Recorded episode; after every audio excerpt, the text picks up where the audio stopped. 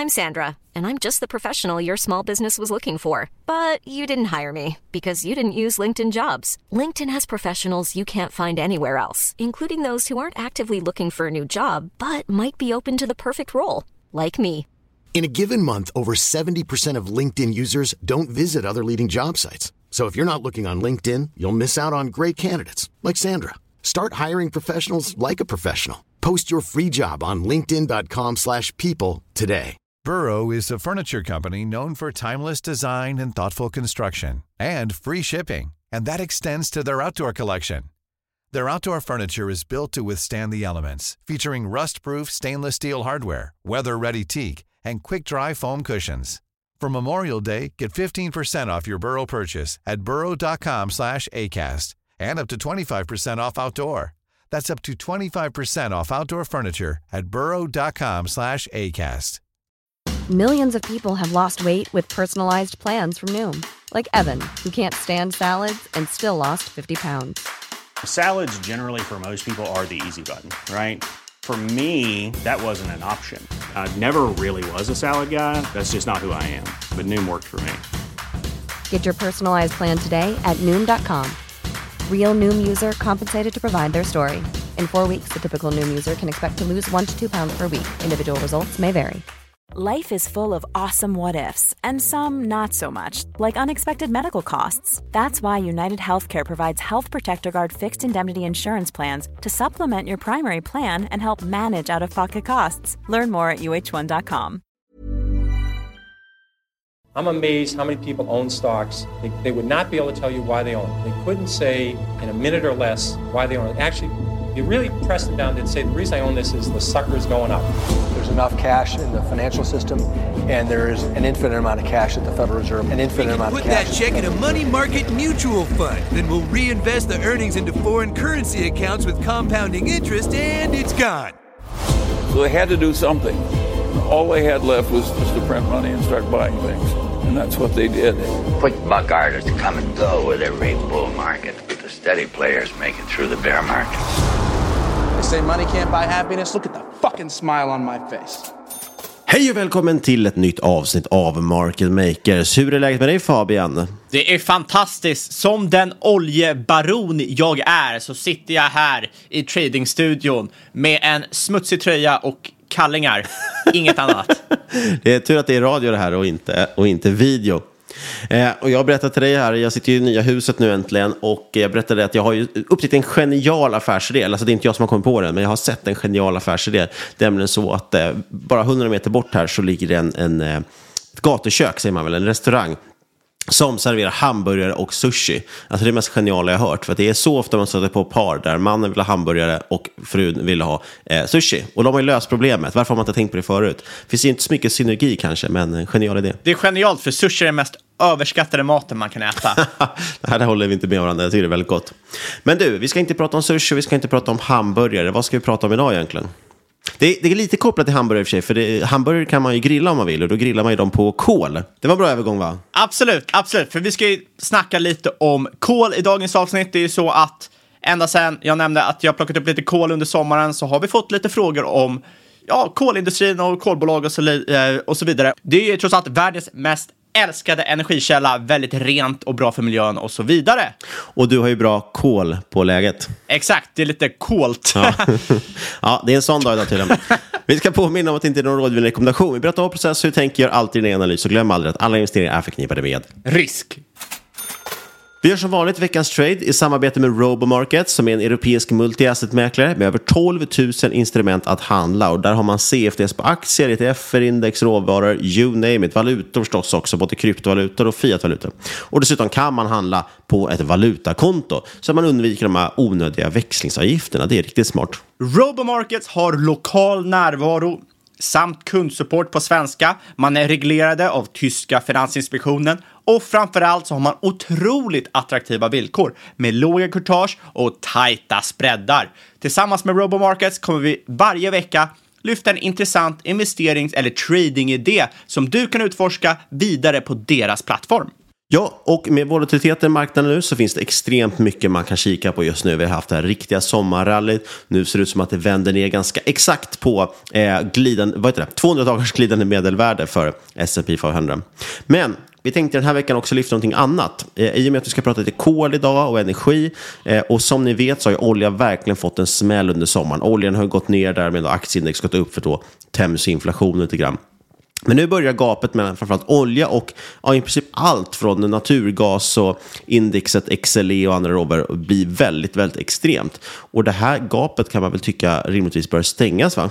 Ja, men exakt. Det lite, lite, lite konstigt att allt annat drar iväg. Oljan blev väldigt straffat.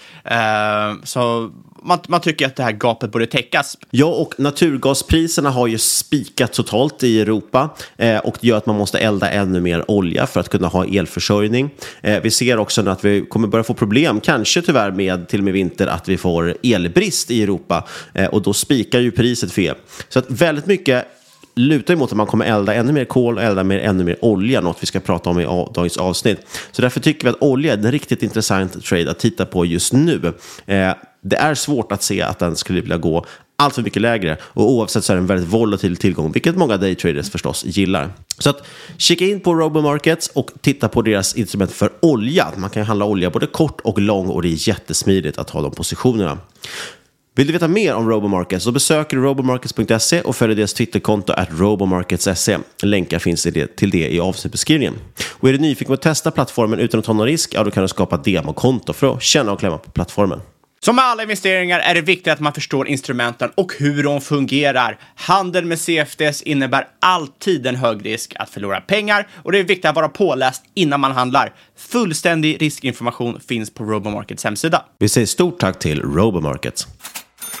Ja, och vi drar igång med veckans tre snabba och då ska vi börja med lite återkoppling. Det är inte så ofta vi har det Fabian. Nej, exakt. Uh, förra veckan så pratade vi lite om Michael Burry, att han hade dumpat hela sin uh, portfölj. Han hade ett bolag kvar i portföljen och det var ju en, det var ju Geogroup, de här operatören för privata fängelser i USA. Och man såg att alla medier rapporterade på det här och det var här var snorigt bearish. Ja. För killen som hade förutspått finansbubblan och finanskrisen eh, sålde nu allting. Men det här är inte Precis. riktigt sant va? Nej, det är slank med ett litet fel där. Ett eh, ord saknades kan man ju säga. Vi sa ju att han hade sålt alla sina aktier, och det var ju det alla andra medier skrev också. Men det man skulle lagt till är att han sålde alla sina amerikanska aktier. För det är ju som så att Michael Burry behöver ju bara rapportera in försäljningen av, eller, och köp av amerikanska aktier. Så att han har ju fortfarande faktiskt kvar en del, eh, är det europeiska aktier framförallt va?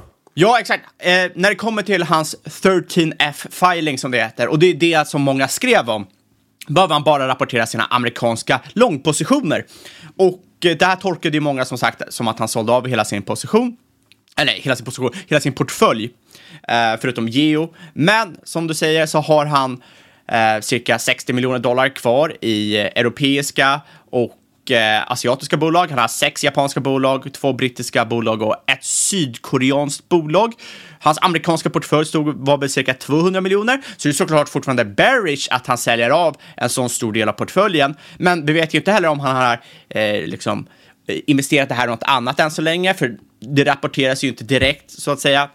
Och framförallt så tycker jag att det är rätt stor skillnad på att säga att en investerare som styr narrativet så mycket som Michael Burry, speciellt hos många retail-människor, har sålt allting för att han är bearish och att det ska bli en krasch och så vidare, snarare att han har sålt av amerikanskt för att han potentiellt hittar mer värde någon annanstans. Det är rätt stor skillnad i narrativ och som framförallt kan styra folk rätt mycket. Ja, absolut. Men, och, och, det ska ju aldrig på något sätt tolkas som att man ska följa vad någon annan har gjort. Man kan ju också kritisera någon till exempel för att han sålde exakt på botten i princip under sommaren. Så jag menar, det, det finns eh, alltid saker man kan, kan, kommentera på. Och eftersom man inte vet, man har inte full insyn i hans portfölj och hur han agerar och vad han har för syn på saker och ting så ska man ju aldrig kopiera. Det gäller ju, inte, gäller ju vilken investerare som helst. Men eh, jag tänkte att vi skulle rätta det i alla fall, för att det blev lite felaktig bild eh, om man säger att han har sålt precis allting. Men han har investerat lite i Asien och det för oss in på nästa fråga och det är lite kring Kina och hur mår egentligen kinesisk ekonomi? Och nu kommer det in rapport om att fastighetsmarknaden i Kina inte ser särskilt pigg ut. Det avspeglas ju faktiskt också i aktieindex som har gått väldigt svagt i Kina. Och varför, kan man, varför spelar det så stor roll? Jo, Kina är väldigt fastighetstungt. Eh, runt 70 procent av Kinas förmögenhet är koncentrerat till just fastigheter. Där kan man jämföra med till exempel USA, det är dubbelt så högt som i, i eh, samma siffra i USA. Och nu kommer sagt fler och fler rapporter om att eh, det är mycket korthus som håller på att falla, det är mycket olagligheter, olagliga saker som sker eh, och eh, folk börjar ställa in betalningar på sina lån och så vidare kineser generellt är väldigt tokiga i att investera i fastigheter. Det är också drivit på då förstås priserna. Medianhuspriset i Kina är runt 25 gånger medianårsinkomsten. Det kan man jämföra med till exempel New York City som är känt för att vara en väldigt dyr stad. Där kostar en bostad i, i snitt, då, eller medianen för bostadspris, ligger kring 10 gånger årsinkomsten. Eh, så att det är betydligt dyrare att köpa en bostad i, i Kina helt enkelt i och med att man har det här, man har stora intresse för, för fastigheter och man har eh, väldigt höga priser och de har drivits upp, så är det förstås också väldigt stort intresse för att skapa produkter som, som ger möjlighet att investera i fastigheter och att titta på projekt och så vidare. Se till att erbjuda folk saker att investera i som vanligt. Därför har det skapats väldigt mycket konstiga grejer. Bland annat till exempel pyramidspelsliknande upplägg där man till exempel tar in en handpenning för ett nyproduktionsprojekt. Sen använder man pengarna man fick in där för att skapa nästa projekt och så vidare och så vidare. Och det här är kanske inte så jättekonstigt. Problemet dock blir ju när man inte startar några av de här projekten utan man bara tar nya handpenningar för nya projekt och så bygger man aldrig de gamla grejerna. Och det har gjort att väldigt många har ställt in sina betalningar, vägrar betala för de här handpenningslånen och så vidare. Och det här då i sin tur drabbar ju framförallt bankerna. Och när bankerna sen började svikta, ja, då gick staten in. Eh, de, dels har man faktiskt betalat ut pengar till och med för att försöka täcka uteblivna betalningar så att inte systemet kollapsar. Men man har också sänkt tidigare utlåningskrav och lite annat. Eh, så att man helt enkelt ska se till att, att stimulera ekonomin lite grann och framförallt se till att inte bankerna går under. Och problemet är att det här har ju bara eldat på hela, hela grejen. Så kinesiska aktier har ju liksom också avspeglat att det går väldigt svagt. Eh, CSI 300, alltså indexet som heter Shanghai och Shenzhen-börsen och 300 innehav där, brukar kallas för eh, Kinas S&P 500. Den är ner 17 procent i år och ser ut att fortsätta gå riktigt svagt och har gått svagt innan också. Faktum är att trots att Kinas BNP har nästan tredubblats sedan, sedan eh, finanskrisen så är fortfarande inte aktieindex uppe på, på samma nivåer som det var innan finanskrisen. Eh, och centralbanken Kina har fortsatt nu behövt sänka räntor för att försöka hålla ekonomin flytande, men företag mår inte så bra. Eh, vi har sett hittills nu 16 Hongkong-listade bolag och 35 kinesiska A-aktier har nu vinstvarnat. Och genomsnittet där, bland de här som vinstvarnar, är ett vinsttapp på mellan 60 till 80 procent. Och dessutom, bara för att slänga in ytterligare en tråkig punkt här, det är att ungdomsarbetslösheten nu i Kina nu är nära 20 procent. Det är ganska extremt högt. Och varför spelar det här roll då, om man nu inte är intresserad av att investera kanske i Kina? Jo, men det kan ju få stora följdeffekter. Kina är en stor global spelare idag eh, och framförallt så äger kineser väldigt mycket tillgångar utomlands. Dels förstås aktier som amerikanska aktier som kan säljas av för att få ut pengar snabbt. Men det är också så att kineser har investerat enormt i fastigheter runt om i västvärlden. Det har kommit in jättemycket skriverier om till exempel tomma lägenheter i, i, i London och det finns ju även en del i Sverige. Så man köper mycket fastigheter, ofta på grund av spekulation och för att förvara sina pengar pengar någonstans. Eh, och det är frågan vad som händer då om man behöver sälja de här för att täcka till exempel uteblivna lån i, i hemlandet. Få, få ut pengar ur landet. Ja, men precis. Men sen såg jag nästa på grej här. JP Morgans Marko Kolanovic, han tror att Kina kommer återhämta sig och han har gett sina bästa skäl till att vara bullish just nu. Vi måste få in lite positiva nyheter känner jag också. Det är bra, eh, så man inte är för vinklad. Nej, men exakt. Eh, dels ska tilläggas att han, han, det här är hans syn då, att Kina kommer att vara starkt i andra halvåret, vilket då inte lyfter bara Asien och, och emerging markets generellt, det kommer ju lyfta hela västvärlden som är så beroende av Kina. Det finns jättestor beroende av, av från Tyskland bland annat till Kina, men också förstås i USA. Eh, Sen menar han också att positioneringen är fortsatt försiktig. Och det ser man ju att folk har ju inte investerat så pass mycket i börsen. Det finns mycket pengar på sidlinjen som kan, ja, det är stora utrymmen helt enkelt för fortsatta inflöden. Och sen tror han framförallt att inflationen kommer att lösa sig själv nu. Vilket gör att Fed kommer kunna vara mer stöttande. Han tror att det här trendskiftet vi såg, nu, att inflationen faktiskt kom ner lite grann eh, senaste månaden nu, att det kommer fortsätta. Och det där är ju väldigt intressant. Vi ska inte spekulera för mycket inflation, vi har pratat om det så mycket tidigare också. Men det knepiga tycker jag just nu med inflationen, det är ju att det ser ut som att mycket av supply chain-frågan och så håller på att lösa sig och reda ut sig. Folk, liksom marknaden brukar kunna hantera det och lösa logistikproblemen. Eh, I slutändan får man alltid ut varorna. Problemet är att om det bara hade varit supply chain-delen, då hade inflationen absolut kommit ner tror jag. Men vi har ju energifrågan som fortfarande inte löses och som fortfarande är ett jättestort problem. Och något som vi kommer att prata vidare om i dagens avsnitt också. Och det gör ju i det som jag tycker ser som stora risken för att inflationen ska fortsätta vara hög och kanske till och med öka. Sist men inte minst, lite intressant datapunkt här. Eh, Tittar man tillbaks fem år, jag såg en siffra om att tittar man tillbaks fem år och kollar på alla börsnoteringar, tech-börsnoteringar som gjorts i USA, där värderingen har varit över 10 miljarder dollar, alltså ganska Alltså, stora bolag. Market cap antar jag att de menar då. Ja, precis. Market cap på de här bolagen som har varit över 10 miljarder dollar de senaste fem åren. Då är det enbart 18 procent av dem, alltså mindre än en femtedel av de här eh, nynoteringarna de senaste fem åren i, i den här sfären har genererat positiv avkastning. Eh, slår man ut det, skulle man investerat lika mycket i varje, ja då hade man fått en avkastning på minus 30 procent de senaste fem åren. Och det är ju otroligt uselt med tanke på hur börsen har gått de senaste fem åren. Eh, kan du gissa vilken som är den bästa dock, technoteringen av de här eh, senaste fem åren? Sett i avkastning. Ja, eftersom vi har delade anteckningar så ser jag exakt här vad som står.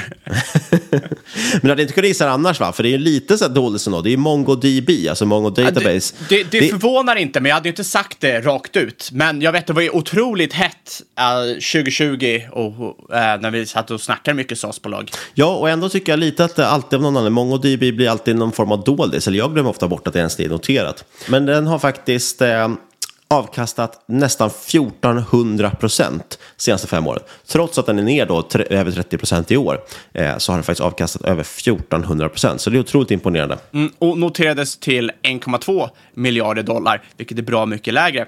Eh, men det borde ju inte vara så förvånande att de här IPOsen inte har presterat. Eh, jag menar, banker och insiders vill ju få den, eh, liksom en maxad värdering. Och ju högre värderingen är, desto svårare är det ju att få avkastning. Och egentligen har man läst vilken nybörjaraktiebok som helst så är det liksom det första som står är att eh, IPOs tenderar att vara övervärderade. Ja, och vi har pratat mycket om det här genom de senaste åren, eftersom det har varit så mycket sådana noteringar. Det har varit otroligt mycket intressanta noteringar, intressanta bolag som kommer till börsen. Men i princip alla har ju satt till en för hög prislapp. Och det är för att marknaden har, har tolererat det också. Mm. De har ändå gått upp jättemycket första handelsdagen.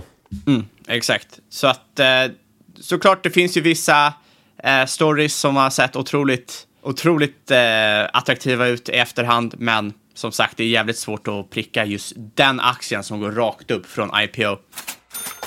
Men du, ska vi hoppa in på dagens huvudämne, vilket då är kol? Ja, eh, kol, det är lite av ett kontroversiellt ämne. Eh, troligtvis är det ännu mer hatat än oljan och inte som så att det är hatat på börsen eller eh, så för att eh, avkastningen i år har varit väldigt, väldigt fin. Jag menar ju mer liksom ute i samhället. Om du går och pratar med folk så kommer folk tro, tycka att du är djävulen om du säger att du investerar i kol. Vilket jag tycker är lite nice faktiskt. För eh, då slipper man ju umgås med rätt många människor. Men, alltså jag förstår egentligen för att kol är ju en otroligt smutsig energikälla. Jag tycker ju att det är helt rätt att vi ska fasa ut den. Men faktum är ju att emerging markets är beroende av kol för energi och just nu är ju vi i väst det också när vi försöker lösa vår energikris. För det är så, eh, EU vill ju bland annat göra sig av med rysk naturgas, men det är inte så lätt eftersom Ryssland stod för en rätt stor andel av EUs eh, naturgas fram tills vi liksom, de bestämde sig för att invadera ett land här då, då eh, Ukraina. Och det här är ett jäkla gap man måste täcka, för vi vill ju skifta senast 2027. Vad stod de för? 30-40 procent. Eh, och hur täcker man upp det här långsiktigt också? Det är inte bara så att man eh, kan omdirigera kortsiktigt, utan långsiktigt brygga det här gapet. Eh, samtidigt som man ser då ett växande gap mellan utbud och efterfrågan för naturgas då produktion, likt mycket annan energi, är avtagande. Och det är här så kol kommer till räddningen. Eh, men som sagt, misstag inte här. Eh, kol är absolut ingen framtidsindustri. Det är snarare tobaksbolagen 2.0 och tobaksbolagen 2.1 snackar vi om i avsnitt 47.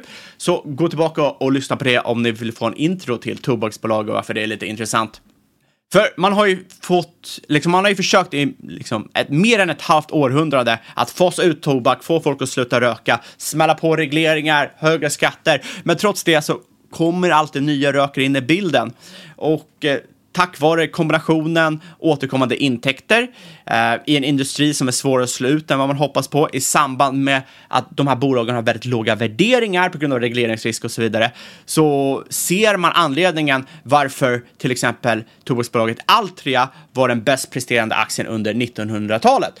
Och jag tycker man ser lite saker här i kolbolagen också extremt låga värderingar, eh, men extremt höga återkommande intäkter och du har en sjuk trend just nu för, eh, för tobak. Eller återkommande intäkter kanske man inte ska säga att det är, men väldigt stabila intäkter. Väldigt ocykliska. Exakt. Uh, och... Det är lite så, även det är klart att energibehovet går ju ner om man har en, en avmattning i ekonomin, men det behövs fortfarande stora mängder energi oavsett. Och det är lite samma sak att folk röker ju fortsatt tobak även när det är dåliga tider. Och spelar spel och så vidare. Exakt. Därav och... att eh, bettingbolagen brukar ju vara bra. Kol är, det är ju smutsigt, men det är också en av de billigaste energikällorna att eh, producera och transportera och så vidare. Eh, men likt tobak så visar det som sagt vara extremt svårt att bryta bort eh, beroende av kol. Kol är, de är i en sekulär nedgång. Jag tycker inte man ska tro något annat. Men det kommer behövas rätt mycket kol antagligen för att ta oss ur den här krisen, att liksom stabilisera samhället. Och som sagt, kol har fördelen att det är väldigt billigt samtidigt som det har eh, hög EROI, Energy Return on Investment. Så kikar man runt om i världen, från Indien till eh, USA och ja, till och med Tyskland och EU, så fördröjer man nu sin planerade utfasning av kolet och kolkraftverk. Flertalet länder vill ju till och med nu öka kapaciteten för kolkraft Eh, eftersom det är så pålitligt. Det kanske är dåligt för miljön, men det är inte dåligt för de som vill ha rimligt prissatt och pålitlig el, vilket är rätt viktigt för rätt många länder. I västvärlden så har man inte så ofta rolling brown, alltså blackout, som man har i mycket emerging markets. Så... Ja, jag såg någon som säger bara idag, nu minns jag faktiskt inte vem som sa det, men det spelar egentligen ingen roll. Men de pratade just om det att eh, nu när man diskuterar liksom blackouts i, i eh, i Europa så är ju det, det, det, det var något som sa då just att, att, att inte ha stabil eltillgång, då är man ett utland. Det är liksom en av nästan definitionerna. Ja. det ligger något i det. A, a, a, absolut, det måste ju vara liksom den mest grundläggande grejen du kan ge dina medborgare. Eh, och utan det är det ju inte ett funktionellt land. Det måste ju gå i hand i hand med demokrati nästan. Så som sagt, många marknader nu utnyttja kol för att tackla energikrisen eh, som man längre försökt fasa ut det här kolet. Men kollager är sinande. Woo! Så ni hade säkert kunnat gissa det här också. Varför då? Låga investeringar. Som sagt, man har ju försökt fasa ut kolet. Men nu har man ju jättehög efterfrågan och det gör ju svårt att fylla på lager och så vidare. Eh, lägg där till eh, eh på supply chain störningar. Och man kan se varför kolpriset dragit iväg rätt mycket. Priset på det man kallar, det som är liksom top tier termiskt kol, benchmarken, Newcastle Coal i Asia, eh, Asia Pacific-området, det ligger runt 400 dollar eh, per ton. Och det är upp från 60-75 dollar under 2090. Eh, 2090. Tillbaka till framtiden. 2019. Eh, vad är då termiskt kol för någonting kan man ju undra? Ja, kortfattat kan man ju säga så här. Termisk kol för elproduktion och metallurgisk kol eller metkol eh, för stål och industriella processer och så vidare. Eh, kan vara rätt bra att hålla koll på eh, för att används på olika sätt och prissätts olika. Men det jag tycker man ska, det som är intressant nu är ju att EU vill ha kol, eller hur? Men EU har också ett embargo på importen av rysk kol som börjar verka nu i augusti. Rätt dålig timing inför kallare tider. Dessutom har Indonesien nu semibannat kolexport. Eh, landet står ju för 45 procent av skeppsfraktat termisk kol. Eh, ja, de är också världens största producent tillsammans med Australien och Ryssland. Så där ryker i stort sett två producenter. Eh, och sen har du ju såklart USA som lite mer avlägsen fjärde plats så det ser lite problematiskt ut för EU som sagt. Det ger ju också en lite, lite boost till internationella kolpriser. Eh, man kan ju tänka sig att de kommer vara eleverade ett tag framöver i alla fall. Och just nu kikar ju de flesta på termiskt kol eftersom marknaden gått från tight till snortajt. Snart är det risk för brist och det är under väldigt kort, liksom, det har gått från det under väldigt kort tid. Så hela, hela termisk kol, det är kanske lite mer kortsiktigt perspektiv. Långsiktigt har eh, metkol eh, starka outlook, speciellt när man ser att stål återhämtar sig, eh, om Kina börjar återhämta sig som använder väldigt mycket mättkol och så vidare. Eh, uh, Metkol tenderar ju också att handla till ett premium jämfört med termisk kol, men nu har man ju snarare sett det omvända just för att man måste ju ha kol till energikrisen. Det här gapet bör ju rimligtvis stänga framöver, eh, vilket man kan ju se på två sätt. Antingen kommer termisk kol ner eller så går mätt kol upp. I eh, den här situationen så verkar ju snarare som, som, som det senare är rimligt. Men man ska inte glömma heller att termisk kol är ju lite mer defensivt. Det är inte lika korrelerat med global tillväxt som recession, utan snarare lite mer med väder, eh, andra externa orsaker som supply chain problem, krig i Europa, eh, sådana saker. Eh, och det här leder ju in till att vi ska prata lite om bolag. Vi ska prata lite lätt om två coolbolag som jag personligen har i portföljen. Ett Shitco Deluxe som jag gillar att kalla det, och en lite mindre Shitco. Och eh, när det kommer till kol egentligen är alla det här, det, det, det är bara skitbolag egentligen. Alltså de är ju sjukt sjukt leveraged. Alltså de drar in snor mycket pengar nu, skit eh, svinbilliga, men de har ju riktigt risiga balansräkningar, har haft det. Det som är intressant nu. Det är väl samma man har sett inom oljebranschen också. Eh, just för att det inte skett mycket investeringar, behövt ta mycket, mycket lån och så vidare. Exakt, men det är också där... Men nu helt plötsligt blir de kassaflödesgenererande och det handlar såklart till låga värderingar då, eftersom det är egentligen i grunden dåliga företag. Exakt, och jag tycker vi ska, så här, vi ska prata lite mindre om produktionen. Eh, jag tycker det blir rätt dåligt i poddformat när man lyssnar tillbaka på oljeavsnitt vi har snackat om eller som vi har haft. Jag tycker mer att det är intressant att prata om värderingen, vad bygger caset på? Och som man tycker det är intressant så man kommer man gå in och eh, produktionen själv och dra upp sina Excel-snurror och grejer. Men liksom så allmänt så kan man ju säga att de intressanta bolagen här är väldigt likt många oljebolag. Det är att de har växande topline, de genererar galna nivåer med fritt kassaflöde och extremt låga värderingar. Kolbolagen har väl om något ännu lägre värderingar än oljebolagen. Och som Howard Marks brukar säga, det finns alltid ett pris då allting blir en attraktiv investering. Är det Howard Marks? Jag vet inte ens om man säger något sånt, men... Jo, det är det. Absolut. Ja, jag försökte hitta exakta citatet, men jag hittade inte det när jag googlade. Först ut är Consol Energy, eh, ticker CEIX. Uttalas Chex. Exakt, uttala sex, eller sex kan man ju också säga, men då blir man ju eh, bannad från Twitter.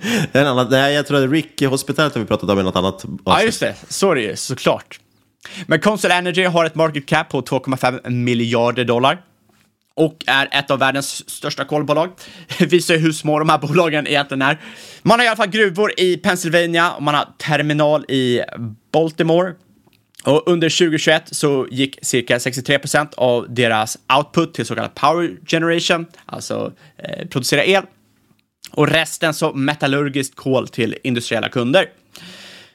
Och hälften av försäljningen här var export, vilket jag tycker är rätt intressant för att eh, ja, det är amerikanskt bolag, men du vill ju ha exponering mot till exempel Asien och framförallt Europa nu, så hade det inte varit exporter så hade det inte varit lika intressant. Och det är ju den här exporten mot, eller, eller den här exponeringen mot termisk kol och exportförmågan som gör att man nu kan kapitalisera på den här trenden, den här vågen för européerna som vill ha kol.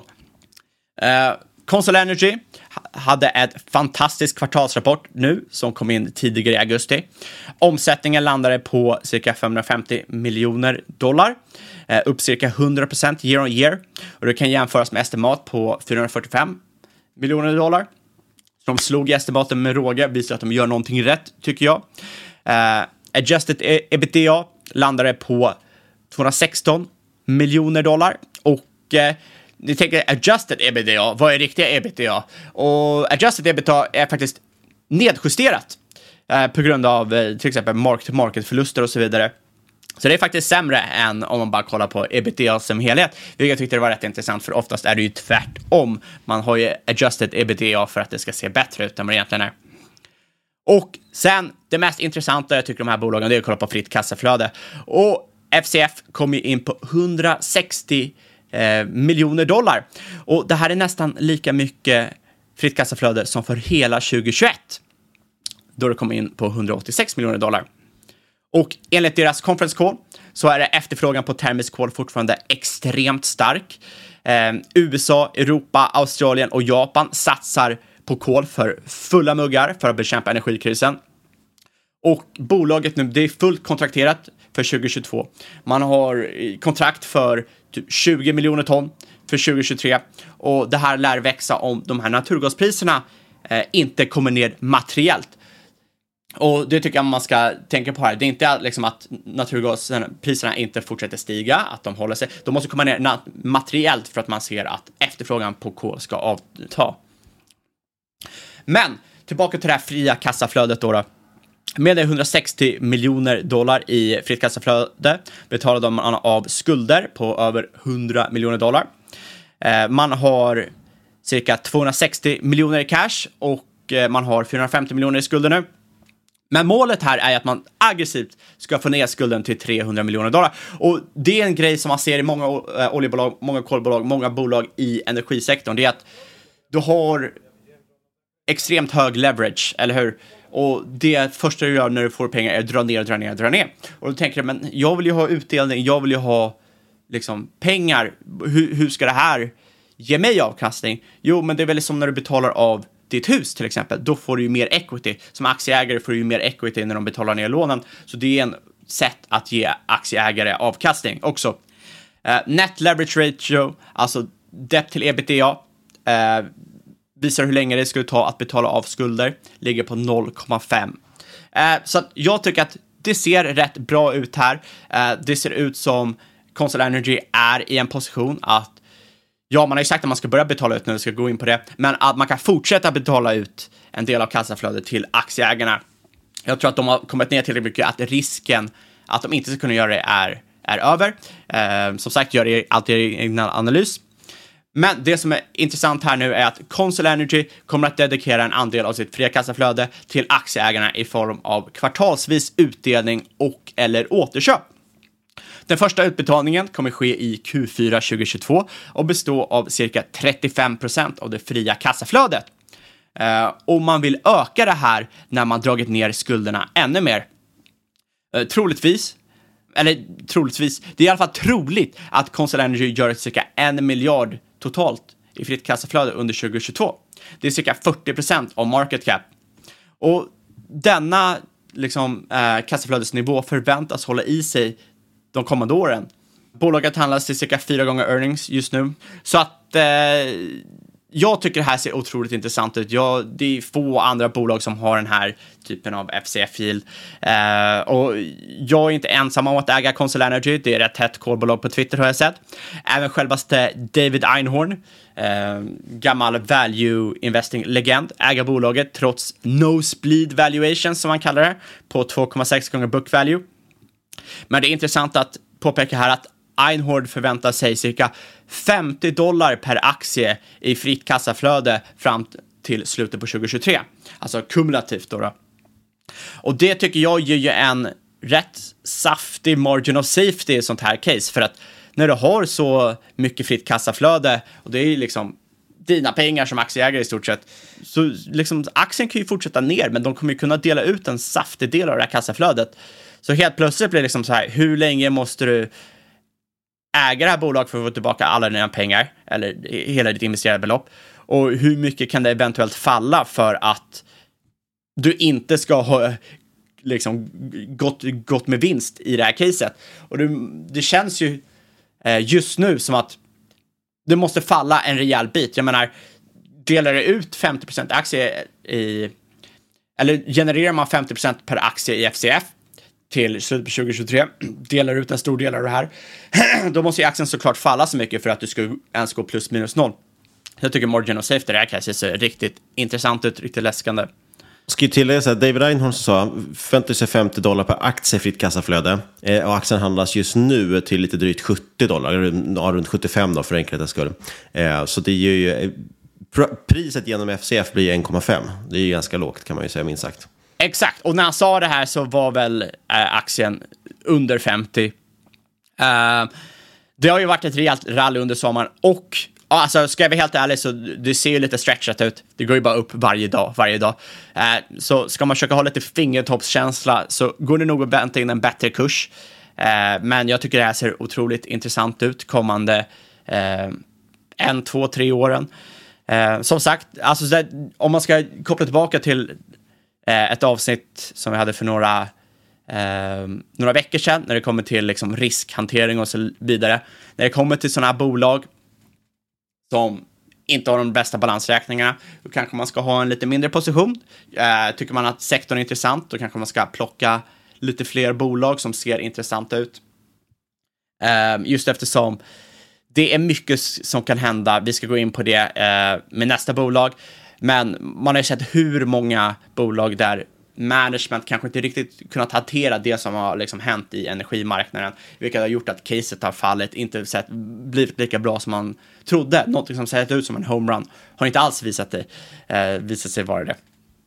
Men det gör att vi hoppar in på nästa och det är ju Peabody Energy och det är nog det mest kända kolbolaget antagligen. Eh, ett av de mest kända i alla fall.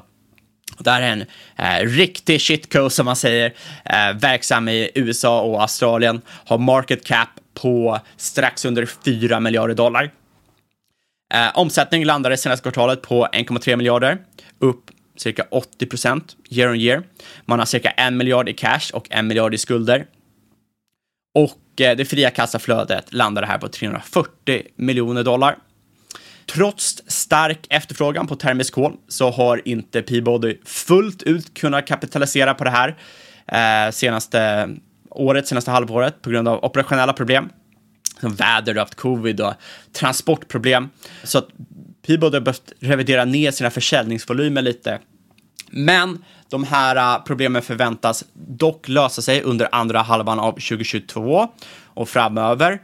Och BTU, likt Vertex som vi pratade om tidigare och många andra bolag, så har man även tabbat sig under året med hedges och så vidare, vilket gjort att man har liksom förlorat onödigt mycket pengar. Och det, det har också gjort att liksom, eh, marknaden är lite negativ, lite skeptiska mot management. Undrar, kan de exekvera här? BTU, eller Peabody, kör en mix termiskt och mättkol, men framförallt så har de en hög viktning mot just termisk kol. Men just den här mixen gör att det är lite intressant för du har ju det här, eh, eventuellt om det här mätt-termiskt stänger så kan man plocka hem lite pengar där. Det man ska ha koll här på är att bolagen måste betala av skulder innan de kan börja ge tillbaka pengar till aktieägare. Man har redan nu börjat betala av skulder med maturities i 2024 och 2025. Och man har ju eh, teoretiskt sett tillräckligt med kassaflöde för att betala av 2024-skulderna i Q2 och 2025-skulderna i Q3. Och dessutom har man ju rätt mycket i kassa, så att jag skulle säga att finansieringsrisken nog är lägre än vad marknaden tidigare antagit. Men när man i alla fall har betalat av dessa skulder så kan man börja betala ut till aktieägare. Som sagt, teoretiskt kan det tidigast hända nu i Q3 2022. Eh, för får se om det faktiskt inträffar eller inte. Men mycket negativt har varit inpriset i aktien, trots rally på 160 procent i år. Eh, som sagt, man har inte fullt förtroende för management. Man är också rädd att kolet ska krascha innan man kan börja betala ut till aktieägarna. Och det här är ju också såklart en eh, stor grej om eh, du har, liksom, Troligt är ju att kol inte kommer hålla sig eleverat i 20 år, eller hur? Så du måste få in så mycket pengar på så kort tid som möjligt, betala av dina skulder eh, och sen kunna betala ut till aktieägarna. Tycker man ska slänga in bara brasklapp äh, eller Många tittare kör blinda på just historisk avkastning också. Och även om båda de här bolagen har gått jättestarkt i år, det säger ju egentligen ingenting om framtida avkastning. Bara så att vi får det sagt ändå. Eh, för det är, de kommer ju från extremt låga nivåer också, så det kan, någonting kan ju fortfarande vara lågt värderat fast det har gått upp väldigt mycket. Absolut, absolut. Och det där är ju en tydlig grej, man körde någon anchoring-grej och säger 160 procent, jag kan inte köpa det här bolaget nu, men 160 procent är, jag menar, MongoDB som vi pratade om, efter IPO, det var ju någon gång de var uppe 160 procent också, det visar sig nu är de ju uppe 1400 procent, eller hur? Så att Ja, och, och, det omvända gäller också ofta att man kan se folk som köper saker bara för att det gått ner mycket. Vilket brukar, det brukar finnas en anledning till att saker har gått ner. Eh, jag också ser ofta också att folk eh, vill inte sälja av saker för att de har gått ner. Man måste vänta tills det har gått plus igen, tänker man, innan man ska säljas. Eh, vad det nu skulle ha för syfte. Det, man får sluta fokusera på, eh, på historiska avkastningen, fokusera på framtiden istället. Absolut, och eh, eh, nu hoppar jag runt lite här i mina anteckningar, men eh, ja, Peabody, ebitda under 2. Eh, FCF-yield på typ 30 procent. Och det är troligt att man gör typ 800 miljoner i fritt kassaflöde under andra halvan av 2022. Eh, och som med Consol Energy så förväntas ju såklart kassaflödet hålla de här nivåerna en längre tid. samtidigt som man växer topline tvåsiffrigt. Det är alltså en riktig jäkla growth stock med andra ord. I en skitindustri, men det är en growth stock. Det är inte bara tech som kan vara growth. Men sen, sen såklart, där var ju bara lite kort om två olika bolag. Eh, men andra bolag man kan checka in som vi inte snackade om, det är till exempel Whitehaven, Arch Resources, Warrior, Ramaco. Och alla har ju liksom lite olika blandning här mellan eh, Termist versus Metcall. De första två är lite av en blandning och senare är mer rena Met-spelare. Man vill ju gärna investera i ett Met-bolag som heter Warrior. Ja, exakt. det är någonting att prata om på nästa julmiddag. Exakt, men eh, jag tänkte bara snabbt vi ska sammanfatta det här för eh, kol är utan tvekan en döende industri. Och en, och en på många sätt eh, en smutsig industri också. Jag höll på att säga dålig, men den är nödvändigtvis inte dålig. Men däremot är den smutsig. Yes, det är en, och det är därför det är en döende industri. Liksom. Så ingen tror något annat. Exakt, eh, så ingen tror något annat. Eh, men det är ju en ålder just nu. Eh, flertalet kolbolag har nått en nivå där troligheten för konkurs är låg eh, och flertalet börjar dela ut sitt cashflow till aktieägare eller kommer göra det inom kort. Och för att återkoppla till Howard Marks där, du säger att nu är nivån, troligheten för, risken för konkurs är väldigt låg. Ja, det, det vill man ju gärna ha kanske i alla sina bolag, men poängen är att de här bolagen varit i princip prissatta för konkurs. Och då om, om risken för konkurs minskar, då är plötsligt stiger aktiepriset. Det är det som har prisats in nu. Och det som Howard Marks ofta pratar om. Ja, det, och, och, det är också så om marknaden inte hänger med riktigt och risken för konkurs minskar snabbare än vad värderingen går upp, då helt plötsligt blir det billigare och billigare och billigare att köpa de här bolagen. Precis, så fundamentan, eller man ska säga, kan öka 200 procent och aktien gått upp 100 procent, då har du ju fortfarande, då är, då är din margin of safety ökat. Ja, med det höga kassaflödet de har nu, som vi har pratat om, det tar inte lång tid att få tillbaka sina pengar i de här investeringarna. Men jag tycker att det är otroligt viktigt att tänka på att det här är volatila bolag. Inget är skrivet i sten vad som kan hända framöver. De dras upp och ned med marknaden, som man såg i somras. Eh, och framförallt efter det senaste rallyt så börjar många av de här bolagen se lite stretchade ut. Så att jag, även om jag tycker fundamentan är otroligt attraktiv så jag tänk, kan jag tänka mig om du har tålamod, eh, tycker det här är intressant, så kan du, eh, liksom, det, det, är inte otroligt att du kan vänta in ännu bättre priser, eller bättre priser, för just det ser väldigt stretchat ut.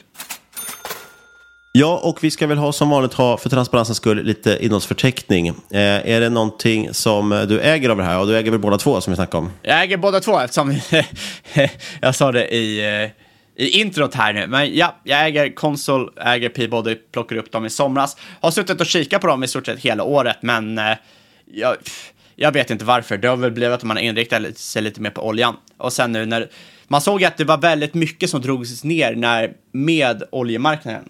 Och då såg det väldigt attraktivt ut att köpa, när det inte var något fundamentalt som ändrats.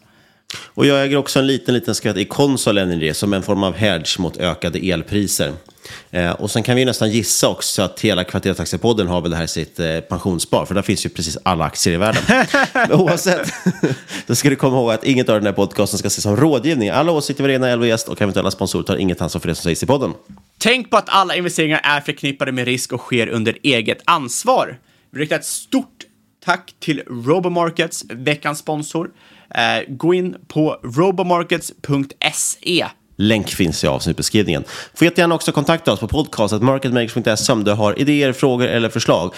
Skicka jättegärna också in på antingen på Twitter eller vi kommer göra någon tråd för det eller så mejlar du in till oss frågor till Erik Strand på AUAG Fonder om du har några frågor om ädelmetallsindustrin för vi kommer prata om Erik nästa vecka i nästa veckas avsnitt. Och vi finns ju som sagt på Twitter och aktier. Där heter vi atmarketmakerspod. Vi kommer lägga ut som sagt en frågetråd där som man kan skriva. Du får jättegärna också lämna recension på iTunes, tipsa din bästa kompis och sist men absolut inte minst, stort tack för att du har lyssnat kära lyssnare. Vi hörs igen om en vecka.